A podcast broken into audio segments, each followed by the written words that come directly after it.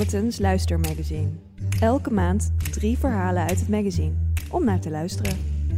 Hoe de skin positivity beweging me liet vallen toen ik mijn acne aanpakte. Jarenlang werd het leven van Kate beheerst door cystische acne. Ze durfde nauwelijks naar buiten tot ze steun vond in de skin positivity beweging. Maar zodra haar huidproblemen afnamen, keerde diezelfde beweging zich tegen haar. Het is maar goed dat het weekend is, want als ik mijn telefoon wegleg, is het drie uur. Mijn nek doet zeer, ik zit te bibberen onder de handdoek die ik uren geleden al om me heen heb geslagen. Mijn pyjama ligt onaangeroerd op bed. Ik heb dit al lang niet meer gedaan, maar af en toe laat ik me meer meezuigen in een Instagram-verzameling van acne-foto's en hashtags. Ik zie duizenden selfies van vuurrode lippenstift in combinatie met vlekkerige kaken, uitgebreide captions over zelfliefde onder foto's van ontstoken gezichten en etterende puistjes die met trots worden gedragen. Dit is hoe de skin positivity beweging eruit ziet. Een digitale plek waar mensen acne zich verenigen dankzij gedeelde hashtags, make-uploze selfies en ervaringen over hoe het is om met de aandoening te leven. Voor duizenden mensen is dit een tegengif voor alle ogenschijnlijke perfectie op Instagram. Lang was dit voor mij ook een fijne plek om naar terug te keren nadat ik weer een dag door wildvreemden was aangestaard vanwege mijn geïrriteerde, pijnlijke rode gezicht. Het was de enige plek waar het voelde alsof ik erbij hoorde. De enige plek waar ik niet werd veroordeeld vanwege de cystische acne die van zo ongeveer elke porie bezit had genomen. Een vorm van acne die pijnlijke wondjes achterlaat en moeilijk te behandelen is. De voorvechters van de skin positivity beweging zijn mensen die niet alleen hun ziel, maar ook hun huid blootleggen en strijden voor iedereen die last heeft van huidproblemen. Ze streden ook voor mij. Ze waren mijn lotgenoten. Tot op een dag alles veranderde. Mijn huid verbeterde, mijn zelfvertrouwen rees de pan uit en ik werd van de ene op de andere dag de vijand. Dag gladde huid. Het eerste gedeelte van mijn jaren als twintiger was afschuwelijk. Dat mag ik in het kader van skin positivity eigenlijk niet zeggen, maar het was wel zo. Mijn gezicht bestond uit een verzameling cystes, gapende poriën en schilferende korsten. Mijn oorlogsgebied vereiste lage foundation, ook als ik alleen even snel boodschappen moest doen. In eerste instantie merkte ik niet op dat mijn huid verslechterde. Het gebeurde in 2012, tijdens mijn tweede jaar op de universiteit. Ik had een bobbelige huid. Niet ideaal, maar voor mijn gevoel was het een logisch gevolg van de enorme hoeveelheden make-up die ik altijd droeg. Bovendien liet mijn huidverzorgingsroutine te wensen over. Zodra ik beter voor mezelf ging zorgen, zou mijn huid weer fris en fruitig worden, dacht ik. Maar dat gebeurde niet. En met elk nieuw puistje leverde ik een deel van mijn zelfvertrouwen in. Het was de vreselijkste vorm van acne die er bestaat, en elke centimeter van mijn gezicht was ermee bedekt. Het enige gebied dat gespaard bleef was mijn voorhoofd. Een bittere herinnering aan de gladde huid met sproeten die ik altijd voor lief had genomen, Voordat ik last kreeg van acne, sliep ik met make-up op en maakte ik het mijn gezicht lastig met allerlei huidzondes, zoals roken. Ging prima. En toen kreeg ik op mijn 21ste ineens last van cystische acne. Zelfliefde. Huidaandoeningen kunnen je leven tot een regelrechte hel maken. Zo voelde ik me altijd schuldig als ik op een groepsfoto stond, omdat ik bang was dat mijn gezicht de herinnering aan een speciaal moment zou verpesten omdat de foundation die ik nodig had te duur was om hem regelmatig te kopen, stemde ik in mijn tijd buitenshuis af op het aantal centiliters dat nog in het flesje zat. Ik durfde geen flatterende foto's te gebruiken voor datingsapps, omdat ik vreesde dat mensen zich bedroog zouden voelen als ze mijn vulkaanlandschap zagen tijdens hun eerste date. En elke zoen in die drie jaar werd overschaduwd door paniek. Wat als mijn foundation zou gaan vlekken en mijn geheim bloot kwam te liggen? Het voelde als het begin van een nieuw leven toen ik de Skin Positivity gemeenschap op YouTube en Instagram ontdekte. Ik werd gegrepen door de onvoorwaardelijke zelfliefde die werd gepropageerd en wilde erbij horen. Ik bewonderde de belangrijkste influencers en activisten binnen de beweging. YouTuber M. Ford, a.k.a. My Pale Skin bijvoorbeeld. Haar video You Look Disgusting ging viral op het moment dat ik door mijn zwaarste periode ging. Het was een make-up tutorial die achterstevoren werd afgespeeld, begeleid door hatelijke opmerkingen die ze over haar huid had ontvangen. Het filmpje eindigde met haar make-uploze gezicht, moedig en kwetsbaar. In haar hoekje stond ook de Amerikaanse Cassandra Bankson, een jonge vrouw met een vergelijkbaar slechte huid die zich voor de camera openlijk uitsprak over haar acne en moeite had met zelfacceptatie. Zou ik me echt hetzelfde voelen over mijn acne als de samenleving er niet om gaf? Vroeg ze zich met tranen in haar ogen af. Zou ik in staat zijn om mijn imperfecties te accepteren? En zouden die imperfecties überhaupt fout zijn? Het was alsof ze mijn gedachten kon lezen. Nul vooruitgang. Ik keek ook naar de Instagram stories van Louise Northcote, die meedeed aan Britain's Next Top Model en tijdens het programma last kreeg van acne. Ze lanceerde een Free the Pimple campagne en moedigde mensen aan hun perfecties publiekelijk te omarmen. Volgens de beweging was niet mijn acne het probleem, maar mijn gedrag. Ik moest mijn acne de baas worden en inzien dat de wereld meer te bieden had. Op die manier zou ik anderen aanmoedigen om verder te kijken dan mijn huid en steeds meer positiefs teweeg brengen. Het uiteindelijke doel? Afrekenen met heersende schoonheidsidealen en elkaar niet langer aansporen om perfectie na te streven. Ook geen gefakte perfectie. Een paar korte, heerlijke maanden werkte het. Ik voelde me begrepen en opgelucht. Voelde bovendien alsof ik erbij hoorde.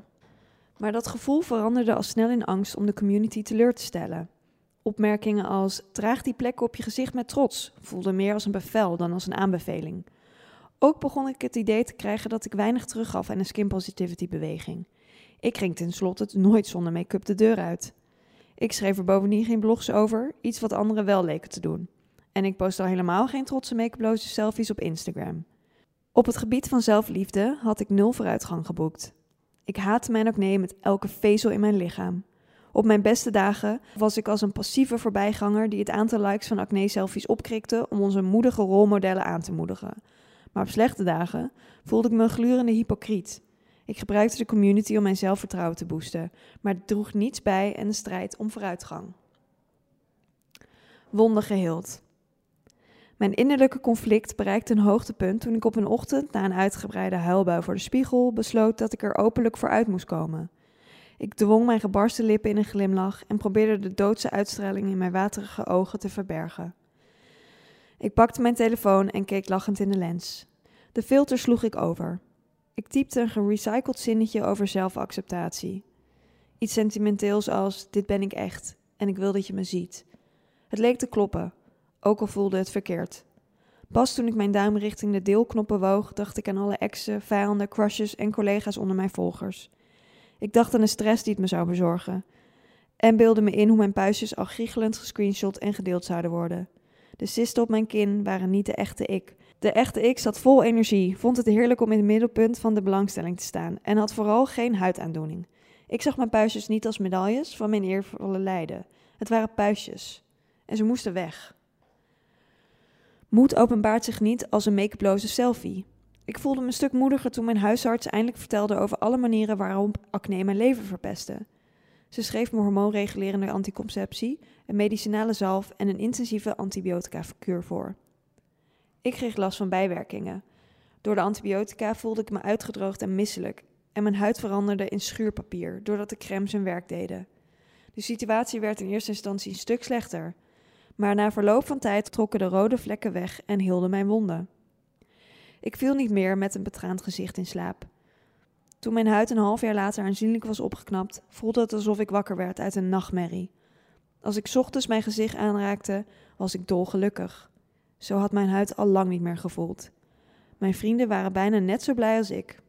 Regel overtreden. Waar ik me echt niet op had voorbereid, was mijn nieuw verworven irrelevantie binnen de beweging, die tot dan toe mijn steun en toeverlaat was geweest. Met mijn gave huid was ik geen slachtoffer meer en ik voelde me ook niet meer onderdrukt. Ik hoefde me niet langer in te zetten voor ons gemeenschappelijke doel. Daarnaast had ik de strikte regel van mijn groep overtreden. Ik wilde bij de rest horen. Ik had me geconformeerd aan alles waar de skin positivity beweging tegenstreed. Ik had een gave huid verkozen boven de gedeelde misère van duizenden activisten, influencers en artiesten. De felbegeerde vrijheid waarvan ik had moeten genieten nadat mijn huis verbeterde, werd overschaduwd door gevoelens van verraad. Skin positivity rolmodellen die ook maar hinten op plannen om hun huid te laten behandelen, had ik tenslotte afgemaakt zien worden in comments op social media. Ik kon me nauwelijks niet schuldig voelen. Maar wat bleek? Mijn oorspronkelijke acne-idolen weten ook hoe het is om te worden bekritiseerd vanwege een andere aanpak. Onder een vergrootglas. Blogger en model Louisa Northcote zegt af en toe de druk te voelen om aan bepaalde verwachtingen te voldoen, aangezien haar keuzes onder een enorm vergrootglas liggen. Ze is wel eens veroordeeld omdat ze make-up droeg tijdens evenementen waar ze over Free the Pimple sprak. Ter informatie, ze moedigt haar volgers aan alleen make-up te dragen wanneer ze dat zelf willen. Mensen hebben op de een of andere manier het idee dat je een eigendom bent, zegt ze. Dat jouw gezicht hun gezicht is. Het vervelendste van de skin positivity beweging is de verwachting van gelijkgestemden om behandeling te weigeren. Ondanks haar inspanning om het stigma rondom acne te verminderen, laat Northcote haar aandoening behandelen met behulp van voedingsdeskundigen en huidtherapie. En dat neemt de beweging haar niet in dank af. Ik wil niet dat het mijn merk wordt. Ik wil geen acne hebben enkel alleen omdat ik Free the Pimple in het leven heb geroepen. Ik ga mijn acne niet in stand houden voor anderen. Cassandra Bankson herkent dat gevoel, maar geeft toe moeite te hebben met haar gedrag. Ik voel me vaak schuldig. Ik trek mijn hatelijke opmerkingen soms aan, omdat ze een bepaalde manier als terecht voelen. Is het hypocriet om zelfliefde te promoten terwijl ik me tegelijkertijd laat behandelen om me beter te voelen?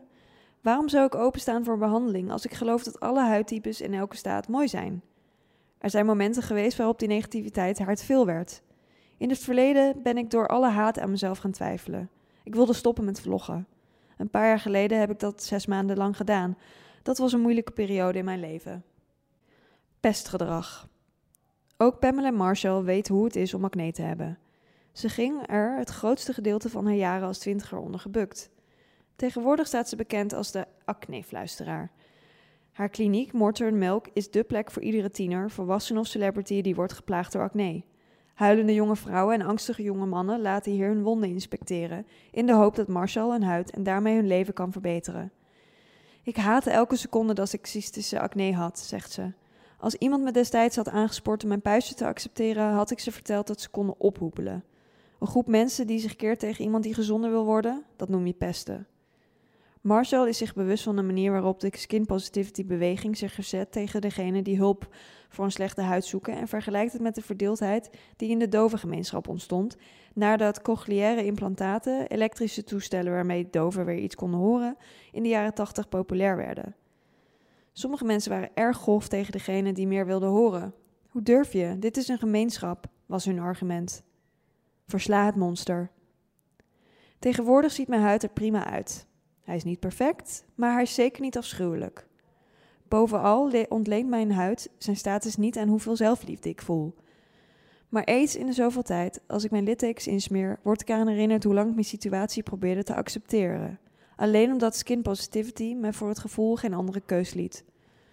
Het doel van zo'n gemeenschap is mensen samen te brengen rond een gezamenlijke interesse.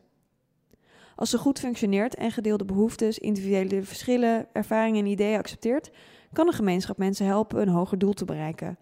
Maar de energie om een positieve verandering teweeg te brengen slaat vaak om in een dwingende mentaliteit. Als kritische leden dan ook nog eens gedemoniseerd worden, wordt die mensen tekort gedaan. goed de anderen het misschien ook bedoelen. Het is belangrijk om af te rekenen met het heersende schoonheidsideaal en de kritiek die mensen krijgen als ze er niet aan voldoen. Dat monster moet verslagen worden. En ja, met veel mensen bereik je vaak meer dan in je eentje. Maar wat ik heb geleerd van mijn skin positivity tijd. Maar wat ik heb geleerd van mijn skin positivity tijd is dat we allemaal risico lopen om in een monster te veranderen als we niet goed nadenken over hoe we het moeten bestrijden. Meer van Cosmo luisteren? Check ook onze podcast. In onze podcast Weet ik veel gaan Cosmopolitan Josephine en Esther op zoek naar antwoorden op al jouw weet ik veel vragen.